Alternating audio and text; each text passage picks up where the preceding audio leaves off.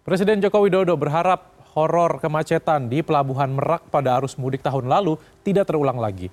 Presiden meminta agar seluruh pihak membuat langkah antisipasi akan lonjakan pemudik hingga 123 juta orang pada lebaran tahun ini.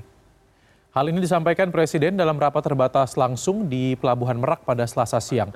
Menurut Presiden, salah satu penyebab macet di Pelabuhan Merak tahun lalu adalah kurangnya kapal.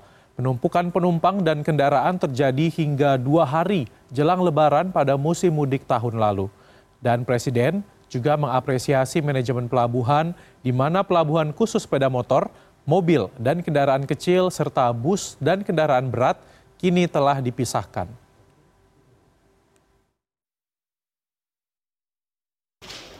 Ada catatan-catatan yang harus kita perbaiki dan catatan besarnya itu ada di Pelabuhan Merak dan juga di jalan tol.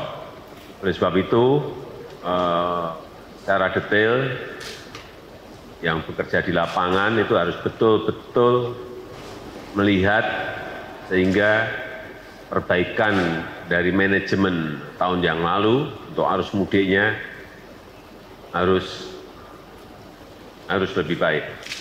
Manajemennya sudah sangat detail, pelabuhan mana yang digunakan untuk kendaraan berat, pelabuhan mana yang dipakai untuk uh, kendaraan bermotor, kendaraan dan pelabuhan mana yang dipakai untuk kendaraan kecil dan bus.